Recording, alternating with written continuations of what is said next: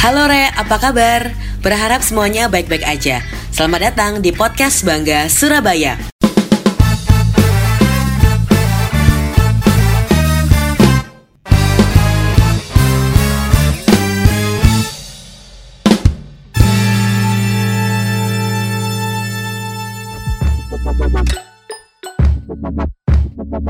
Berasa sekarang kita udah hampir memasuki bulan kedua di tahun 2020 yang artinya udah hampir satu bulan kita lewatin di tahun yang baru.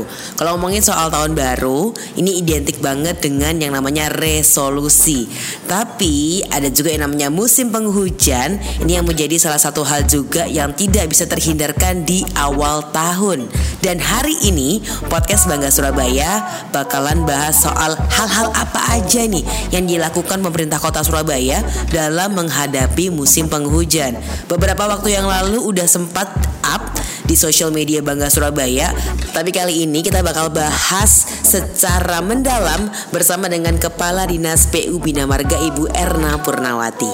Halo Bu, apa kabar? Alhamdulillah baik Mbak. Jadi bisa dibilang kenapa spesial teman-teman karena ini adalah Bu Erna ini orang yang paling sibuk ketika ada ketika di musim penghujan ini karena em, harus mempersiapkan banyak hal, harus keliling ke mana-mana setiap kali ada hujan gitu ya.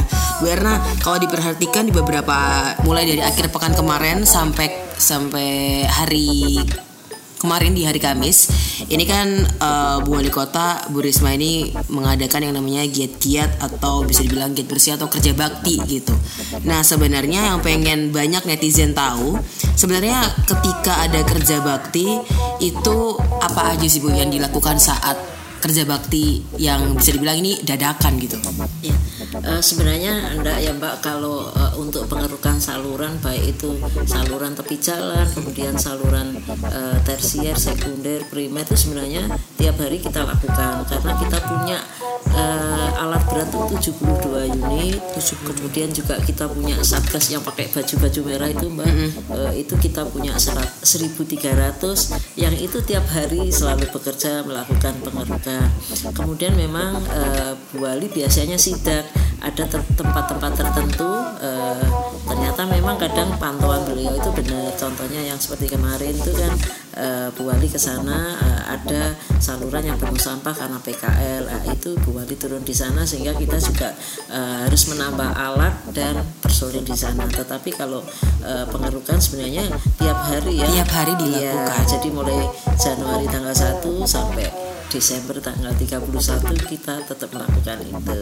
Oke, ini yang menjadi pertanyaan juga Bu oleh netizen karena mereka tuh penasaran banget untuk pemilihan lokasi saat eh, diadakan giat-giat bersih atau kerja bakti gitu. Itu sebenarnya memang tempat yang dituju itu adalah tempat yang mungkin memang setiap tahun terjadi seperti itu atau sebenarnya ada kayak petugas yang keliling kemudian pasti ngasih tahu di hati dan sebagainya atau jangan-jangan tuh hanya kayak ya udah feeling aja gitu mau ke sini atau kayak gimana Bu? Eh, kalau Bu Wali sih memang kadang feeling ya, tapi feeling Bu Wali memang bagus sekali ya. Oke siap Bu. Iya Bu Wali feelingnya bagus sekali. Tetapi kalau kerja bakti sebenarnya eh, warga itu biasanya Sabtu Minggu Mbak itu permintaan untuk melakukan kerja bakti banyak sekali. Oke. Jadi eh, kalau Sabtu Minggu itu bisa ada 20 25 lokasi yang semuanya minta eh, dilakukan kerja bakti dengan warga. Tetapi kalau yang dengan Bu Wali itu memang feelingnya Bu Wali. Jadi kadang eh, kita eh, bukan lepas kontrol ya. Contohnya Bu Wali mau naik tol ke Sumberjo tahu-tahu belok kiri. Nah, itu ketemulah eh, dengan saluran yang kok nggak jalan gitu ya. Terus kemudian Bu Wati, Bu Wali eh, apa kontak kita sehingga kita ke sana ternyata memang di sana ada pencucian apa batu eh, ada kayak kayak apa pabrik pabrik ini ya beton ya sehingga ternyata memang di sana itu lumpurnya mengendap di sana. Contoh-contohnya kayak gitu Bu Wali itu feelingnya seperti itu. Wow luar Iya, biasa. luar Jadi biasa. memang jadi kadang kita hmm gitu. Jadi luar biasa feelingnya karena eh, langsung tahu gitu ya. iya. Oke, nah ngomongin ini lanjutan dari kerja bakti ya bu ya. Jadi kalau saat kerja bakti itu sebenarnya yang menjadi eh, salah satu yang diperhatikan selain kalau tadi Bu Werna bilang setiap hari dilakukan pengerukan gitu. Tapi kalau dari saat kerja bakti itu sebenarnya yang menjadi perhatian saat giat-giat bersih itu apa saja bu? Apakah hanya saluran atau seperti apa? Ya, jadi kalau Bu Wali memang keinginannya Mbak memang uh, kenapa dilakukan kerja bakti bersama itu kadang memang karena sampahnya, karena ada PKL-nya, kadang memang ada tanah-tanah itu yang ada di sekitaran e, saluran. Sehingga kalau hujan itu dia kena kena air hujan kemudian larutlah dia sampai ke e, saluran. Nah, itu kan lebih susah kalau sudah masuk ke saluran. Jadi sampai e, memang prinsipnya sih Bu Wali itu e, jalan itu harus sampai habis sampai di kerep. Artinya sudah tidak ada sisa tanah. Hmm. jadi kalau musim kemarau pun e, apa uh, itu tidak menjadi debu sehingga memang uh, ISPA harus bisa ditekan. Itu Bu Wali mintanya seperti itu. Jadi makanya kalau kalau aspal tuh juga harus disapu sampai pasirnya habis. Oh. karena kalau tidak disapu tanah-tanah makanya kan kita selalu nyapu itu sampai dapat tanahnya banyak. Karena jangan sampai istilahnya uh, apa tadi tanah tadi kalau kena hujan kan larut ke dalam saluran. Itu wali tidak berkenan. Ya oh, apalagi sampahnya. Kalau katut uh, uh, sampai larut di saluran nanti sampailah di tempat pompa sampai di screen kita yang berat sekali ya. Oke okay, jadi, jadi manfaatnya banyak sekali. Kalau kalau sudah wali ikut turun otomatis PKL PKL kadang ternyata PKL tuh di bawahnya dibuntu dikasih tanah gitu kan. Kita ndak ndak menduga ya kayaknya ya. dia jualan uh, di atasnya. Tapi ternyata seperti kemarin di uh, Tegasari ternyata kan uh, persil kosong itu karena ndak ada pemiliknya dia uh, di bawahnya betul-betul dibuntu dikasih tanah sehingga kan air tidak bisa lewat itu seperti itu Oke, jadi sebenarnya cukup kompleks ya Bu yang yeah. di yang diperhatikan saat gate bersih itu nggak yeah. cuma hanya ya standarnya Bu Wali tinggi kan. Oh, luar biasa. Yeah. Standar tinggi tinggi teman-teman. Nah, jadi nggak boleh ada tanah di ini pasir juga harus sampai habis. Oke, jadi sampai sebegitu detailnya teman-teman ketika uh, Bu Ali dan juga teman-teman PU Bina Marga, kemudian kemarin juga saat di Tegasari juga teman-teman DKRTH juga yang bantuin. Itu yang benar-benar eh, nggak uh, sekedar asal oke okay, ini bersih, yeah. tapi memang benar-benar ada yeah.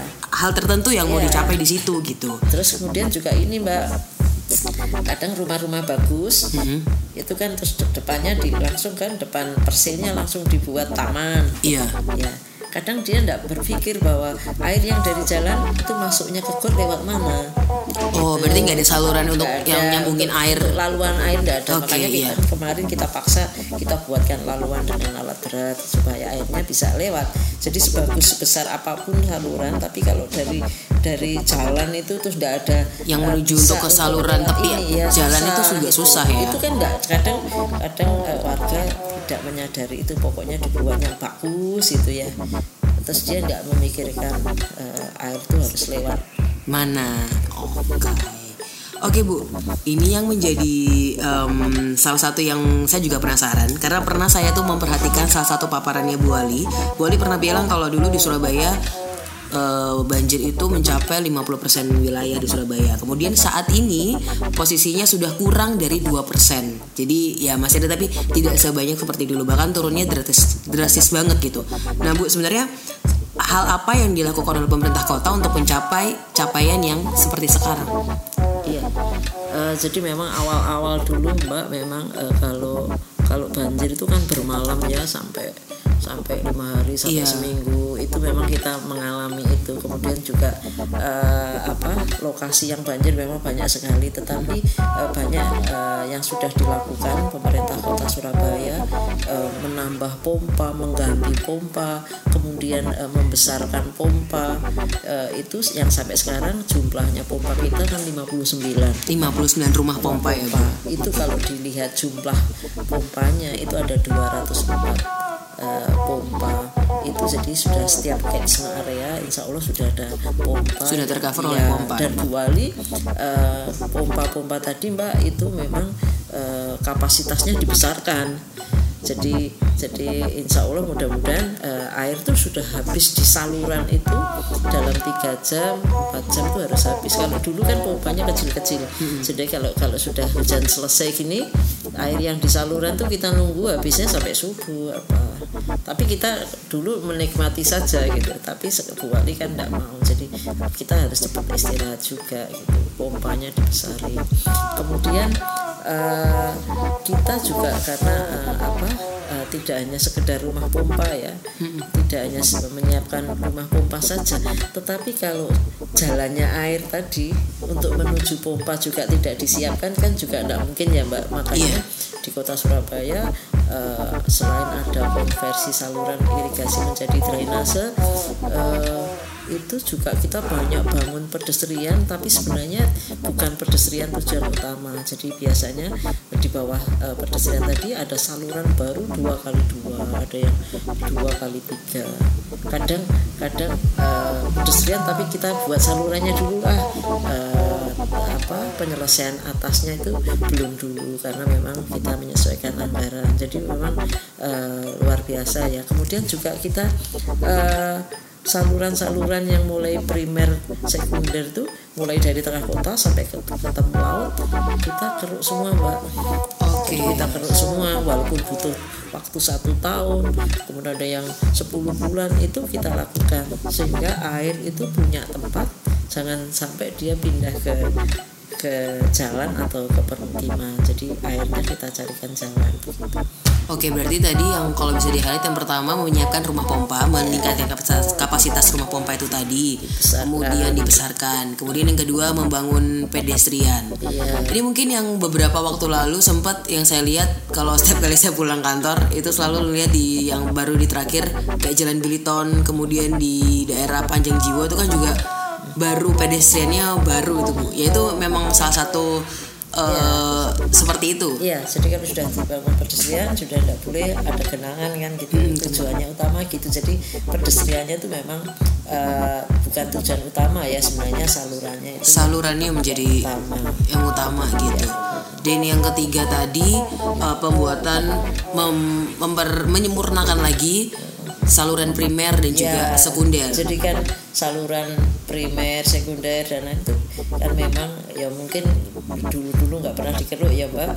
Jadi kapasitasnya itu mungkin tinggal uh, karena penuh lumpur biasanya kapasitasnya sudah sangat berkurang sehingga kita melakukan pengerukan dan hasilnya luar biasa dipakai untuk taman, makam, lapangan itu itu menggunakan dari tanah-tanah hasil kerukan jadi misalkan dinas tanah beli e, berapa hektar untuk makam itu tanah-tanah dari itu kita e, kirim ke aset-aset PTKD itu.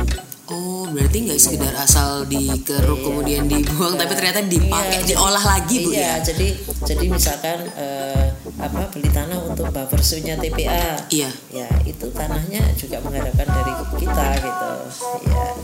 Oke, menarik teman-teman. Jadi kalau yang biasa melihat ada alat-alat berat gitu ya yang sedang melakukan pengerukan di sungai di sekitar rumah kamu mungkin itu ternyata tanahnya tidak dibuang gitu saja tapi memang dipergunakan di, diolah untuk iya. kegiatan berikutnya Oke Bu, jadi kalau bisa dibilang uh, salah satu hal yang dia lakukan saat uh, mengurangi banjir yang ada di kota Surabaya sebenarnya salah satunya adalah menyiapkan infrastruktur gitu bu. Yeah. Infrastruktur yang disiapkan selain tadi bu ada dibuatkan saluran, kemudian menyempurnakan saluran primer dan sekunder.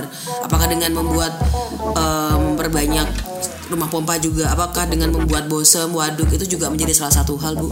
Iya, jadi bosem yang sudah kita buat itu ada 72 lokasi ya. 72 iya, lokasi bosem atau alat berat kita yang 72 tadi. Jadi oh, bukan okay. proyek ya jadi swakelola kita. Jadi pokoknya ada tanah BTKD eh, kemudian kita koordinasikan bahwa itu bisa dipakai bosem. Langsung kita kerjakan.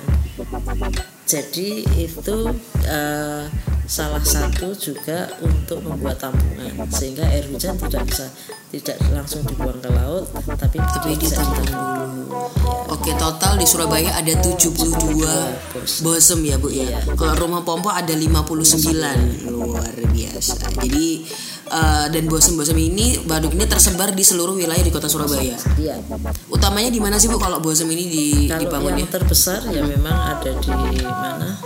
di Buseworo Kerembangan itu 42 uh, dan 38 hektar. Tapi yang lainnya banyak Pak di Bangkingan, di Ceruk itu daerah-daerah barat banyak sekali. Ya. Oke, jadi ada tiga 72 teman-teman bosom kalau pengen tahu kemudian kalau untuk rumah pompa juga sudah Surabaya sudah punya 59 yang pasti yang mengcover seluruh wilayah di kota Surabaya Nah, dan yang menarik juga teman-teman, jadi kalau untuk rumah pompa itu yang ada di kota Surabaya, semuanya itu sudah dilengkapi oleh genset, bener ya bu ya? Oke, jadi ketika uh, ada listrik padam, rumah pompa masih tetap bekerja ya. dan masih nyala gitu. Nah, Bu, boleh nggak Bu sih Bu dijelaskan sedikit ketika kayak ada hujan seperti hari ini, kan sore tadi kan maghrib ini tadi hujannya lumayan deras gitu. Kira-kira boleh dijelaskan secara singkat kira-kira apa yang akan dilakukan oleh petugas di lapangan ketika ada hujan seperti ini? Ya, jadi memang uh, kita kan update terus ya Pak ya. untuk BMKG. Mm -hmm jadi mulai pagi ini sudah kita uh, apa tarunakan untuk pintu-pintu. Ada yang harus dibuka harus ada yang ditutup kan gitu. Jadi yang kalau yang tepi laut tuh memang harus posisi ditutup terus. Tapi kalau bisa gravitasi memang dibuka. Itu sudah kita tarunakan mulai pagi. Terus kemudian uh, perkembangannya seperti apa? BMKG kita pastikan bahwa semua rumah pompa penjaganya kemudian yang membersihkan sampah itu harus siap. Tidak boleh dikurangi atau uh, harus dicukupi. Kemudian uh, juga Mbak uh, dipastikan bahwa levelnya harus rendah. Jadi begitu ada hujan uh, air tadi punya tempat di saluran ataupun di busem itu harus dipastikan seperti itu. Jadi kalau sudah hujan begini ya pompa harus langsung menyesuaikan gitu mungkin kalau kalau pas tidak hujan tadi mungkin hanya satu selat yang jalannya mbak hmm. untuk mengosongkan folder begitu tambah tambah harus dia nambah nambah pompa uh, sampai semuanya maksimal gitu. Harus dipastikan itu di terus dimonitor di HP gitu kayak di absenin gitu bu satu-satu? Oh, iya. Oh, okay. uh, bahkan teman-teman tuh yang di uh, apa CCPU hmm. itu setiap pergantian sip dia mau meninggalkan sip dia harus uh, berdoa mengajak teman-temannya semua berdoa. Kemudian si baru juga berdoa. Kan ada tiga sip ya? Iya tiga sip yang ini yang uh -huh. monitor HT itu. Jadi itu dia masuk uh, berdoa mengajak berdoa semua. Kemudian nanti meninggalkan sip jadi itu nanti mendung harus berdoa setiap jam apalagi berdoa. Jadi kan kita sudah berbuat. Ya tetapi uh, semua kita pasrahkan kepada Allah lagi. Wih, itu berarti iya. salah satu SOP iya, ya, sudah, ya? iya. Jadi kita aduh, lagi, aduh merah, aduh ayo berdoa gitu. Oke, jadi nggak cuma bekerja aja, iya, teman-teman tapi juga kita berdoa, pasrah, iya. pasrah kepada yang maha kuasa. Iya apalagi kalau sudah di kali lama begitu ya. Aduh gitu ya Allah kita sudah pasrah gitu ya. Oke ini salah satu fakta yang menarik. Jadi eh, nggak uh, cuman sekedar bekerja bekerja bekerja di lapangan tapi juga tetap menyerahkan semuanya pada yang kuasa gitu. Iya mbak. Selain itu ajaiban kan gitu ya. Ah bener bu. Ingat sekarang kan kalau kita ngelihat di ramalan BMKG akan ada iya, A B C D E banyak iya, gitu yang diramalkan tapi pemerintah kota Surabaya sudah menyiapkan itu semua ya Bu ya untuk dengan segala macam ramalan itu tadi gitu. Oke luar biasa teman-teman. Nah terakhir Bu bolehkah dikasih pesan untuk warga Surabaya untuk menghadapi musim penghujan mengingat kemarin saat di bersih-bersih saya ingat banget yang dikeruk itu tidak hanya tanah tapi juga banyak ditemukan sampah-sampah gitu Bu. Iya. Nah ada nggak sih pesan untuk warga Surabaya? Iya. Jadi uh, kami mohon dengan sangat ya uh, semuanya ikut uh, peduli terutama uh, membuang sampah jangan sembarangan ya. Kemudian juga pemakaian plastik ya. Mm-hmm. plastik itu juga uh, harus dikurangi. Karena apa? Sampah-sampah kalau yang dibuang sembarangan itu nanti kan akan larinya ke saluran di jalan tuh larinya ya, di saluran, ke saluran. kemudian nanti di rumah pompa tuh jadi kasihan sekali kalau sampahnya sudah banyak.